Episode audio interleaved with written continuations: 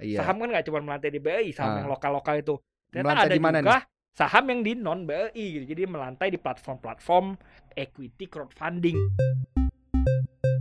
Di equity crowdfunding ini saham yang lu beli lu bisa tradingin juga, lu bisa jual beli. Tapi nggak liquid, gue udah lihat. Jadi sebenarnya kita menjadi investor eh, equity crowdfunding itu nikmatnya tuh di mana ya? Paham Pantauan Saham Makin paham makin cuan. Halo Sobat Cuan, ketemu lagi bareng gua Daniel Wiguna dan Gua Triputra dari tim riset CNBC Indonesia. seperti biasa segmen kita adalah paham pantauan saham. Semakin paham semakin cuan. Nah, di episode kali ini ya dari paham kita, kita itu mau bahas sedikit yang eh, tidak banyak dibicarakan banyak orang ya, Bro ya. Karena kan biasanya kita ngomongin pendanaan melalui pasar modal, saham saham saham, IHSG IHSG IHSG, BEI BEI BEI, ya itulah ya. Tapi kali ini Hmm. apa nih? Lu gini-gini ngapain nih? Jadi biasanya kan bukan gitu. Biasanya kita ngomongin kan saham Iya. yang melantai di BI. Ah, ah, sekarang Kan ini kan nama program ini kan pantauan saham. Iya. Saham kan nggak cuma melantai di BI, saham Ah. yang lokal-lokal itu. Ternyata Melantai ada di mana juga saham yang di non BI gitu. Jadi melantai di platform-platform equity crowdfunding. namanya berarti ECF ya atau equity, Equity crowdfunding, crowdfunding, gitu. gitu. Nah, mungkin sobat cuan masih apa ya? bingung. Apa bingung. sih ini barang apaan eh, gitu. eh, ini makanan Ini gorengan atau baru apa? kah gitu. Iya, bisa nggak dibeli potensi cuannya bisa sampai 1000% nggak? Kan kayak gitu kan biasanya. Nah, tapi ini kurang lebih konsepnya mirip kayak saham yang melantai di Bursa Efek Indonesia Iya, gitu ya. sama aja gitu. Saham apa? Mhm. Mereka saham melantai kan artinya perusahaan tuh ingin funding, cari Mm-mm. funding, cari dana, gitu. Ya, Mhm. mereka melantai di suatu platform, platform apa? Bursa Efek. Ya udah, Mhm.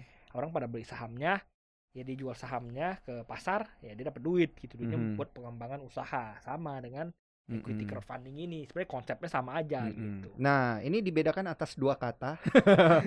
ini kayak kita jelasinnya harus bener-bener nih untuk sobat cuan ya dari dasar banget dari kata equity dan crowdfunding gitu ya. Karena kita tahu selama ini crowdfunding itu kan udah ada ya bro ya. Sebelum ada eh, equity crowdfunding ini jadi eh, crowdfunding itu udah ada. Namanya kan urun dana, dana. gitu ya. Jadi di mana sobat cuan itu kalau memang meyakini satu perusahaan ini bisa jalan dan menghasilkan untung itu urun dana gitu ya. Orang yang punya company biasanya eh, akan membuka peluang untuk crowdfunding atau urun dana untuk mem- membiayai perusahaan mereka. Nah, tapi dengan adanya equity crowdfunding ini semuanya jadi lebih gampang karena dia melalui website. Website, gitu. Nah, gitu sobat cuan. Nah, ini jadi semakin gimana ya equity crowdfunding makin terkenal gitu ya belakangan ini Ya, makin sering ya belakangan disebutin. ini makin rame. Salah Mm-mm. satunya yang yang paling paling baru ini yang bikin heboh itu kan Mm-mm. salah satu yang paling gede kan Sorcelli ya. Hmm. Sorcelli katanya mau jual sahamnya di perusahaan apa di di website urun dana gitu, Mm-mm. di website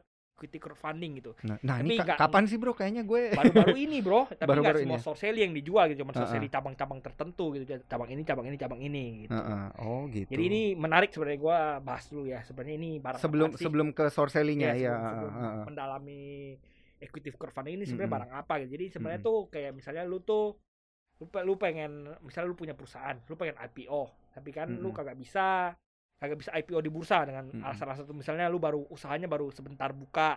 Kan misalnya lu melantai di bursa kan ada misalnya harus udah berapa lama, berapa tahun atau lu kurang asetnya tuh lo kecil, ekuitasnya terlalu kecil, itu kan sebenarnya sulit gitu untuk melantai di Mm-mm. bursa gitu. Dan aturan-aturannya panjang, harus IPO, harus ada segala-segala segala ada pengawasnya ini ini itu itu.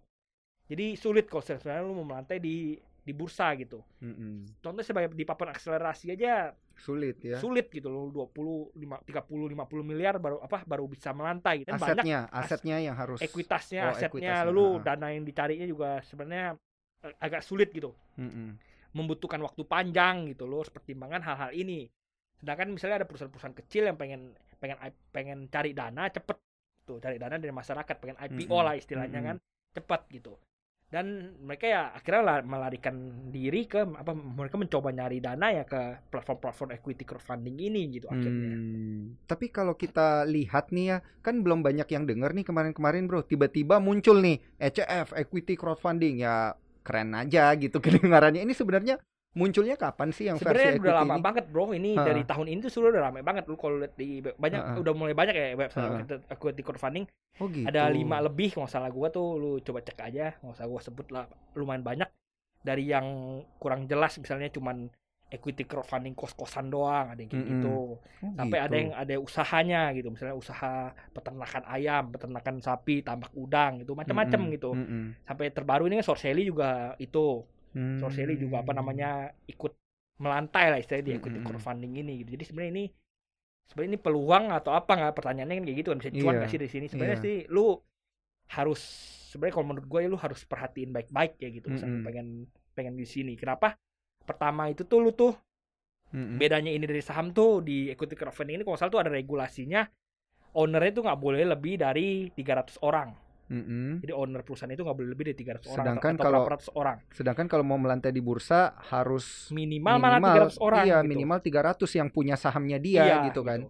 Dan jadi ini lu bisa lihat jadi artinya kalau 300 misalnya dia nyari dana misalnya berapa M, Mm-mm. ya berarti minimalnya ada ada minimalnya misalnya itu. Misalnya dia nyari satu tiga tiga miliar minimal Mm-mm. 300 ya berarti kan lu ada minimalnya berapa yang harus beli gitu lot minimalnya jadi biasanya minimalnya itu bisa jadi lebih gede daripada lu beli saham receh di bursa gitu Mm-mm. minimalnya lu harus perhatiin minimal berapa dan memang lu nggak bisa investor kecil-kecil lu nggak bisa masuk lu nggak boleh dilarang sebenarnya dilarang Mm-mm.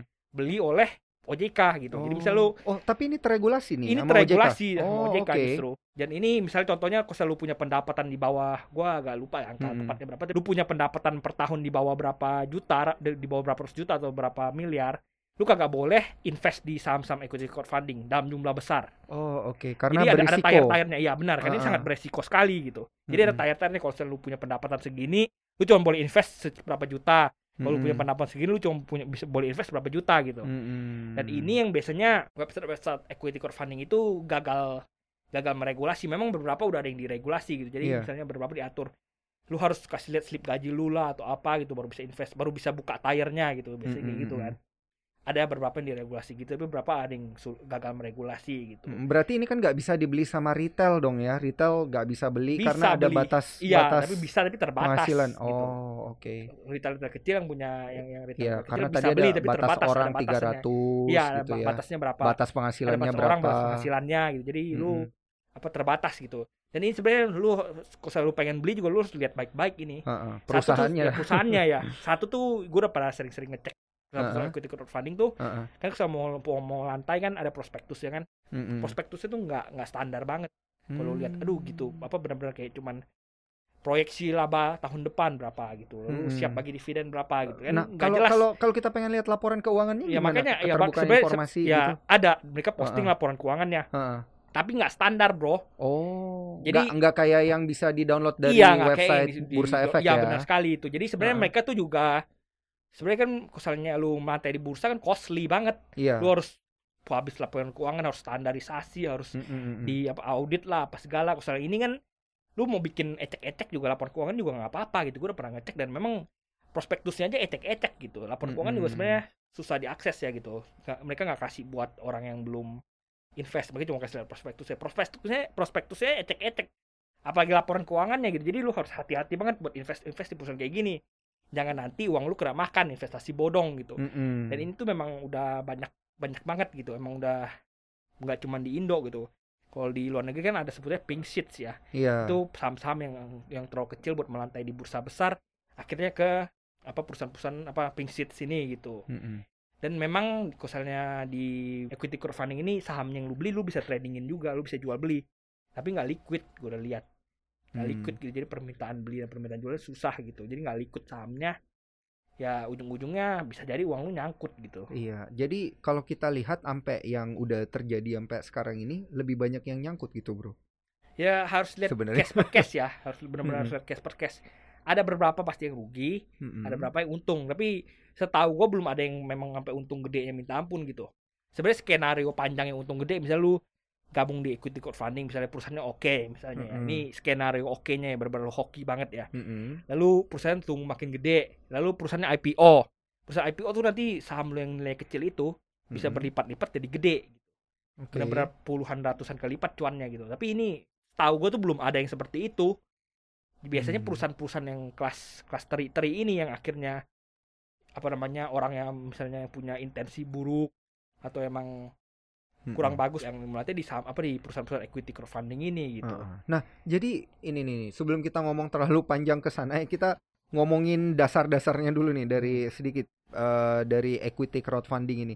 Mereka punya un- eh, underwriter nggak sih? Kalau mereka mau Ya, istilahnya IPO gitu iya. ya di equity underwriternya ya perusahaan itunya, perusahaan equity crowdfundingnya, websitenya gitu. Oh, oke. Yang menjamin mereka punya Iya, ini ya, iya. efek ya.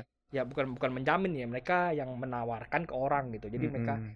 lu listingin di sini orang bisa beli lewat website lu gitu. Hmm, dan belinya pun itu harus memenuhi persyaratan Iya, lewat benar. website itu yang tidak semua orang bisa beli karena ada batasan eh, penghasilan dan Iya. batasan orang. Nah, Iya. gini nih, kalau misalnya ada sobat cuan nih ya yang Tapi sekarang tuh iseng-iseng. rame banget, Bro. Banyak banget Nah, itu dia. Sebelum sebelum sobat lebih banyak lagi sobat cuan yang coba-coba beli gitu kan. Nah, kalau misalnya ada sobat cuan nih yang masuk ke salah satu website ECF itu, Hmm. terus ngelihat kayak lu bilang tadi ada Sorcelli tuh dalam sana. Beli gitu misalnya dan bisa kebeli. Nah, itu sistemnya kayak gimana? Kayak perdagangan di saham gitu, ada pergerakan harga atau apa? Ya Itu itu gimana ada, tuh cara ada pasar ngelihatnya? sekundernya, Bro. Oh, gitu. Jadi lu bisa oke. selalu habis beli selang berapa lama lu bisa jual Heeh. lagi gitu. Oh. Tapi nggak liquid. Belum Gua tentu bilang ada yang mau ya, beli tentu mau gitu beli kan. gitu. Jadi ya nggak liquid jadi ujung Oh, jadi ada aplikasi khususnya buat tradingin saham ECF itu gitu. bukan aplikasi khusus jadi dia bisa kasih lihat oh ini pasar sekundernya mau dibuka siapa yang mau jual ada yang mau nampung dari Oh, segini biasanya kayak gitu oke. sistemnya dan banyakan Bukan dari pakai candlestick Ya, apa gitu-gitu bukan. enggak ya, cuman cuman penawaran-penawaran iya, iya, aja gitu ya. dan biasanya memang banyakkan perusahaan-perusahaan di equity crowdfunding ini memang bagi dividen jadi mereka memang menarik orangnya dengan dividennya. Oh gitu. iya bener ya. Jadi ini berarti bagusnya emang buat long term dong, bukan buat short term, bukan buat scalping atau Iya, trading iya. bukan Dan gitu ya. long term juga sebenarnya bahaya nggak tahu Mm-mm. long term ini perusahaan-perusahaan ini masih ada nggak kan gitu jadi Ah, emang ah, oke, lu harus oke, perhatiin oke. banget perusahaan apa yang lu invest gitu jangan sampai tahun depan udah nggak ada gitu Ah, ah. tahun depan dua tahun lagi uang lu dimakan udah kagak ada perusahaannya gitu bahaya banget Oke nih untuk para sobat cuan yang memang sudah memiliki kemampuan begitu ya untuk beli saham di platform-platform ECF ini yang perlu diperhatikan itu berarti adalah eh, apanya nih supaya meminimalisir risiko. Karena kan dari yang kita omongin tadi sepertinya perusahaan-perusahaan yang terlisting di ECF ini risikonya lebih tinggi daripada yang di Bursa Efek Indonesia, Ya, bener pasti sih? bro pasti Heeh. Ya, Nah, namanya apa nih yang yang lu- perlu namanya lu diperhatikan? invest di perusahaan kecil nggak jelas nggak ada regulasinya tentunya Mm-mm. ini kan selalu mereka kenapa nggak masuk ke bursa karena Iya. bursa kan regulasinya ketat Iya. artinya mereka pengen regulasi yang lebih nggak ketat kan Heeh. kalau dari misalnya di bursa kan surat-surat iya, dari- gitu ini ya. tuh contohnya kalau lu, lu, kalau lu ke bursa lu kan harus ada komisaris independen gitu Iya, kan, yang iya, mengawasi iya, iya, menga- benar, orang independen yang mengawasi perusahaan lu Heeh. kalau di sini kan gak ada gitu lu bisa aja lu terima uangnya lu hambur-hamburkan bisa aja gitu nggak sus- Dan itu legal-legal yang aja jaga gitu ya. nggak nggak bukan legal juga sih sebenarnya legal itu tapi ya siapa yang mengawasi gitu Iya, iya, iya kan benar. susah kan belum lagi kalau uang yang dipakai buat transaksi afiliasi apa segala Mm-mm. misalnya di bursa kan diatur ya kalau saya di sini nggak ada yang tahu gitu jadi bisa Hmm. aja. misal contohnya dia equity crowdfunding misalnya mau mau bangun kos-kosan Iya. bisa aja tanah yang punya dia gitu Iya, iya. jadi dia iya, bangun iya, di atas iya. tanah dia dijual dengan harga tinggi kan bisa juga kayak gitu atau misalnya iya. kontraktornya dia kontraktornya Uh-uh. dia dia bangun kos-kosan ini dengan kos yang mahal gitu Heeh. kan bisa aja kayak gitu banyak Jadi, macamnya Nah, itu dia buat, pengen buat yang apa namanya pintu yang belakangnya banyak macam memang mungkin orangnya nggak apa misalnya investor kagak rugi Heeh. kagak langsung misalnya mencetak apa rugi gara-gara Iya. gara-gara ini tapi kan ini namanya trans- transaksi afiliasi misal disembunyikan atau apa kan sebenarnya Gak ada yang tahu secara, juga. iya, iya. secara teknis sebenarnya mereka rugi gitu harusnya bisa Ah, dapat ah, ah. murah jadi dapat mahal gitu. Nah, jadi sebenarnya apa nih yang harus dilakukan seorang investor equity crowdfunding sebelum dia beli? Haruskah dia datengin itu ownernya, nanya, eh mana nih laporan keuangan lu? Ya, Karena kan kalau juga iya makanya Kalau- atau harus datang ke set location, harus cek lokasi sendiri Ya, atau sebenarnya salah gimana satu nih? ya seringnya juga mereka menawarin cek bisa cek lokasi biasanya Ah, misalnya ah, udah ah. agak gede misalnya tabak udang atau apa lu bisa Iya, cek iya, lokasi iya, datang gitu lihat beneran ada atau Dan enggak tanya surat-surat lu mana gitu ya? usah lu datang Oh, cek ya. beneran ada usaha ini enggak gitu biasanya Ah, ah. mereka kasih gitu Mm-mm. Tapi yang lu kalau lu pengen invest ini sebenarnya lu lihatnya sih sebenarnya dari GCG perusahaannya gitu beneran beneran baik nggak gitu Hmm, Gimana Karena- caranya? karena ini sebenarnya nggak nggak nggak jel nggak semuanya barang ecek-ecek yang Mm-mm. melantai ini contoh seperti Mm-mm. gue bilang Sorcelli itu juga ada melantai Selain gitu. so- Sorcelli ada nggak sih? Eh, kalau nggak salah gue tuh ada ada tempat Uh-uh. makan Dragon Hotpot ya. Oke. lu Dragon Oh, banyak kan tempat makan ada juga gitu tempat ya. makan tapi yang Food and- Dragon berarti Hotpot sektornya gue lihat food sih and sepi sepi sepi banget ya Dragon Oke. Hotpot ya. Nah, Oke, nggak mungkin karena kan. pandemi kali, Iya, Bro. karena pandemi sepi Uh-uh. makanya gue bilang. Iya. Ya, makanya mereka nyari dana di Iya, benar juga. crowdfunding. Tadi kayak lu bilang sektornya selain food and beverage ada kos-kosan ya, Iya, berarti ya kos-kosan juga properti ada, terus gitu apa ada. namanya tambak udang, terus Uh-uh. breeder, Uh-uh. apa namanya peternakan ayam. Tambang yang penambang-penambang Bukan lokal pertam- gitu. bukannya nggak ada bro itu Oh, itu udah Oke, oke. skala gede kalau udah pertambangan mah. Oh, oke. Enggak penambang lokal, penambang lokal di Skalanya daerah. masih udah ya, penambang lokalnya sekali udah gede gitu. Ada yang mau. IPO dari gue bilang RMKN lagi kan sebenarnya penambang lokal di Oh, Palembang. oke, oke, oke. Tapi oke, udah oke. bisa IPO gitu karena mereka kalau udah punya tambang skala lu udah gede. Udah hitungannya udah gede Iya. gitu. ya. Ini bener-bener yang lebih Bener-bener UMKM ini. Uh, uh, UMKM go IPO tapi ECF gitu ya. Iya nggak Iya. apa-apa, yang penting udah udah terlisted di salah Iya. satu bursa yang ada gitu kan. Nah, uh, oke, apakah ada regulasi yang menunjukkan si satu orang ini boleh beli berapa banyak? Ya itu tadi gue bilang misalnya dia punya penghasilan segini, dia cuma boleh beli segini. Kalau Oh, oke, segini, berdasarkan ada- ada penghasilan tayar-tayar aja yang ya berdasarkan berarti. penghasilan dan Uh-uh. ya seperti gue bilang ada maksimalnya orang yang boleh Uh-uh. megang gitu. Iya. Nah, selain itu bolehkah dipegang kayak lima tahun? Ada nggak regulasi? Boleh boleh kalau mau pegang lima tahun. Itu pun kalau perusahaannya masih Iya, ada gitu ya. Oke oke. Tapi kalau lu lihat selama ini most likely banyakan yang tutup gitu gulung tikar atau ada yang bertahan Karena lama. ini hitsnya baru-baru ini kita belum bisa lihat kan. Oh. Ini kan hitsnya belum berarti lama belum gitu. bisa dilihat secara historikal gitu ya. Masih belum kelihatan karena baru, Ah, baru ah, ah. hitsnya baru-baru ini gitu. Nanti udah 5 6 tahun lu baru bisa lihat oh ini ternyata lebih banyak yang tutup. Oh ternyata ini Mm-mm. banyak yang sukses gitu. Tapi kalau lu lihat trennya gimana sih nih, Bro? Sebenarnya equity crowdfunding ini punya nggak sih mereka pasar nantinya? Karena kan kita tahu ya likuiditas itu eh, hanya sebagian orang yang pegang terus ditambah lagi dengan aturan 300 orang itu jadi makin sedikit gitu kan pasarnya. Sebenarnya di Indo ini tuh banyak yang banyak yang doyan gini-ginian. Beneran dah. Lu ya. Enggak, gua sih enggak, gua gua gua nggak Lu ya nggak udah pegang ya? Gua gua enggak gitu. Bagi nih, likuiditas nomor satu. Heeh, Harga oke. saham mau turun mau naik yang penting ada likuiditas bisa Iya, dijual bisa gitu. dijual. ah. Yang penting barang lu kagak kagak nyangkut di gocap gitu misalnya dalam BEI kayak gitu. Jadi gua nggak sebenarnya nggak tertarik sama kayak gini karena gua paling kalau nyari aset yang penting liquid gitu. Kalau misalnya kayak gini tentunya nggak ada liquid kan dan emang lu Mm-mm. pengen harus jangka panjang banget gitu. Biasanya yang yang mainan yang yang owner-ownernya equity crowdfunding ini selebgram selebgram gitu bro apa influencer influencer gitu Hmm. influencer influencer jadinya mereka Iya jualin jualan ke follower mereka jadi banyak yang laku gitu. follower yang banyak duit biasanya ya, iya gitu iya ya. biasanya oversubscribe semua rata-rata gitu Oh, sih apa, benar benar. memenuhi misalnya mereka nyari 2 m penuh 2 m gitu. penuh Biasanya 2 kayak M dan gitu. bahkan lebih gitu Ya, bahkan lebih gitu biasanya kayak gitu Ah. tercapai jadi Iya. emang emang orang Indonesia tuh banyak duitnya gitu Iya. Oh, amin, amin, amin, amin, amin. Nah, equity crowdfunding itu bisa menghimpun dana maksimal berapa? Kalau di bursa efek kan kita tahu ya kemarin ada eh, apa tuh namanya kayak nanti, nanti ya atau eh, di bursa itu ada yang udah jalan deh ya, yang Hmm. udah jalan ada kayak Bukalapak bisa Hmm. menghimpun sampai triliunan. biasanya sih cuma miliaran bro biasanya rata-rata yang mantai cuma himpun 2 miliar Iya, 3 iya, iya. miliar 5 miliar 10 miliar Oh. tuh udah gede biasanya biasanya tiga dua tiga empat Ah, ah, ah. Nah, nah, segitu ya dihimpun. ini potensial upside-nya tuh bisa berapa persen yang lu lihat-lihat, Bro, kalau beli ginian? gue udah bilang ini kalau lu ngomong gini lu ngomong dapatnya dividen ngarepnya dividen biasanya bukannya Hmm. lu bisa jual Tapi balik ke kalau orang laporan keuangan mereka negatif, Ya, makanya gimana mau bagi makanya dividen?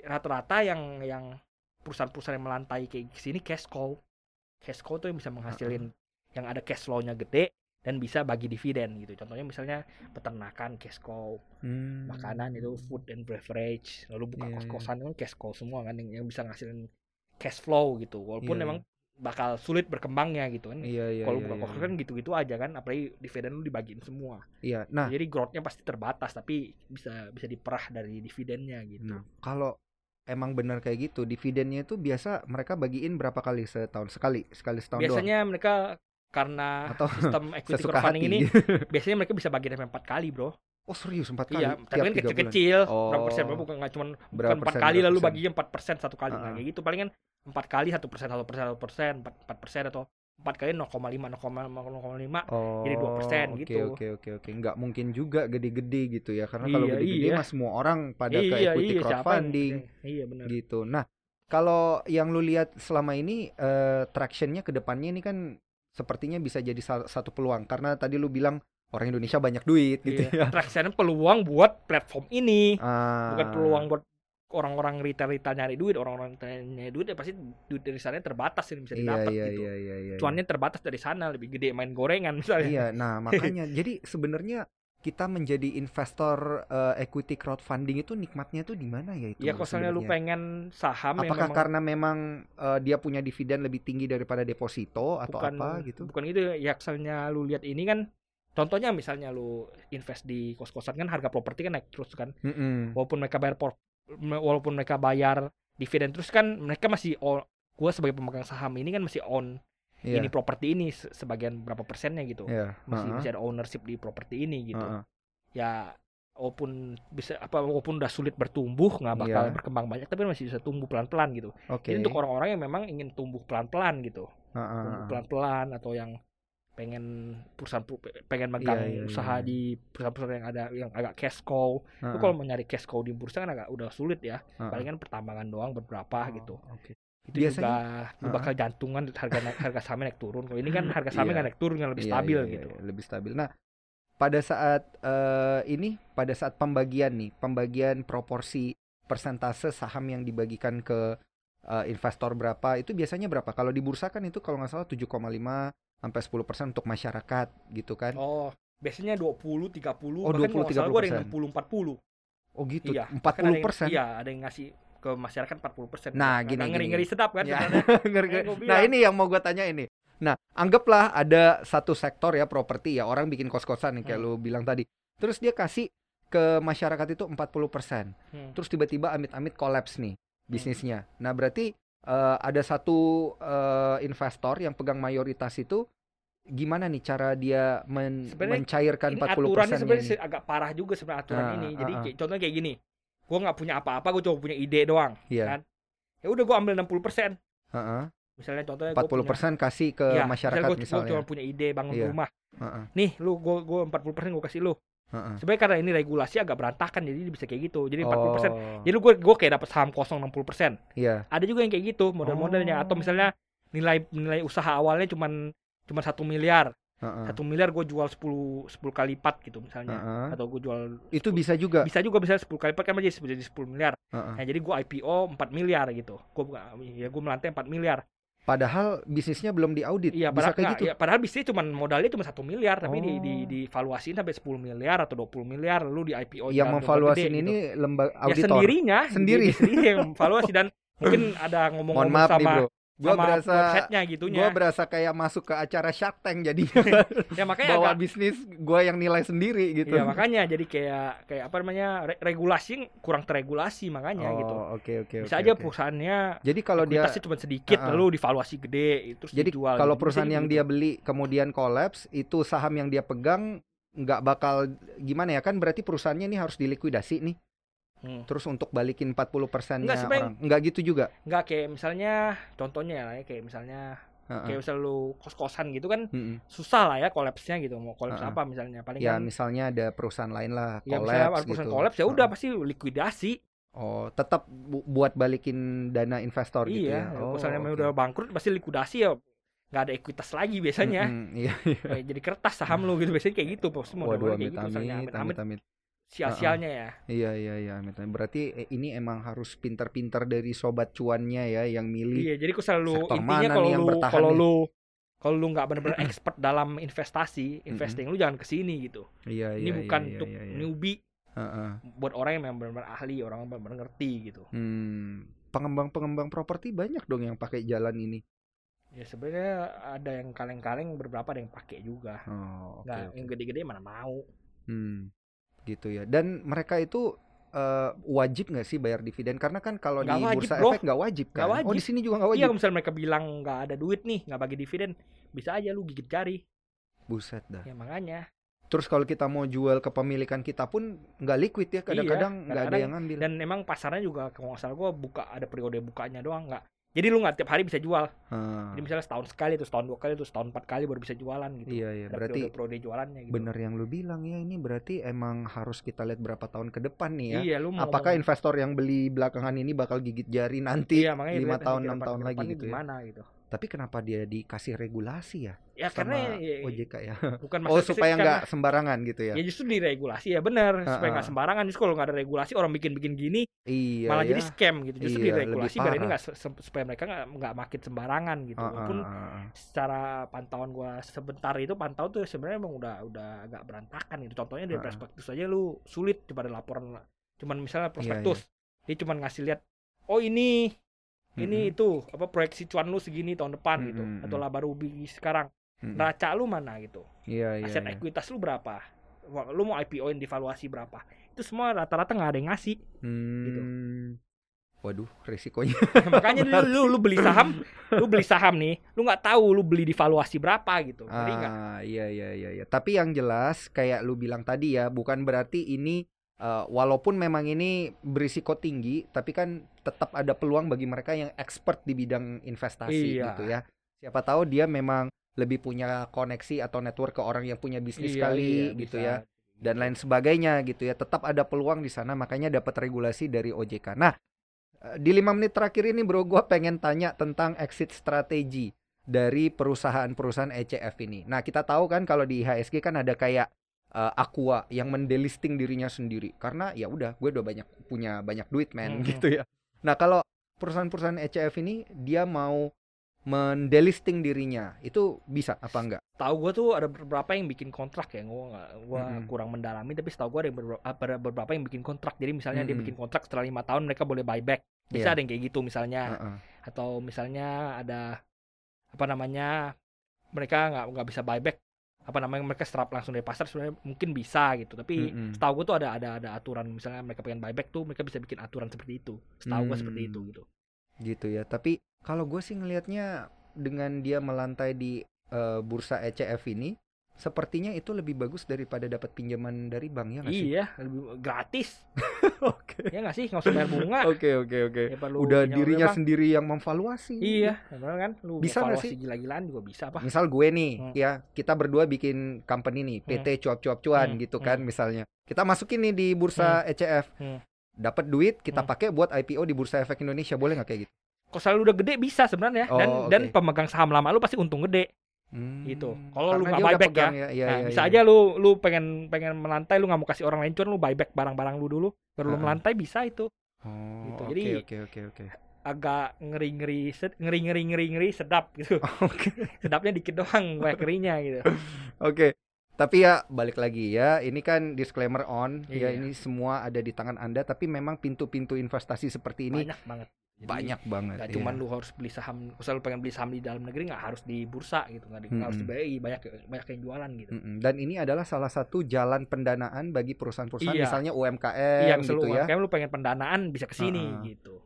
Kalau misalnya emang apa eh, biaya kreditnya itu tinggi, misalnya pinjam di bank juga susah, butuh dana gede gitu ya.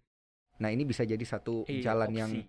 opsi yang menarik banget nih untuk sobat cuan yang mau mencoba IPO di bursa ECF. Nah, kurang lebih seperti itu ya sobat cuan pembahasan kita terkait dengan equity crowdfunding. equity crowdfunding. Sorry, gue keinget sama tagihan PLN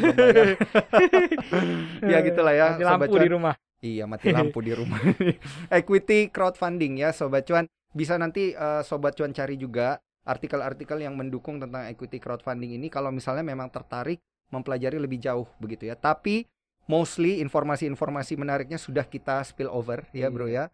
Jadi jangan lupa untuk Sobat Cuan ikuti episode-episode eh, paham kita setiap hari Senin di mana di Spotify cuap-cuap cuan dan juga ada Apple Podcast dan juga Google Podcast dan juga ada di Anchor. Dan jangan lupa saksikan kita di Paham on YouTube karena ini nanti pasti naik di YouTube ya. Jadi Hmm. bisa eh, selain dengerin suara kita, liatin mukanya Putra sama mukanya gue. Itu ada di YouTube cuap-cuap cuan dan Instagram cuap underscore cuan. Thank you udah dengerin episode Paham kali ini. Gua Daniel Wiguna. Gua Triputra. Kita pamit undur diri. Bye. Bye.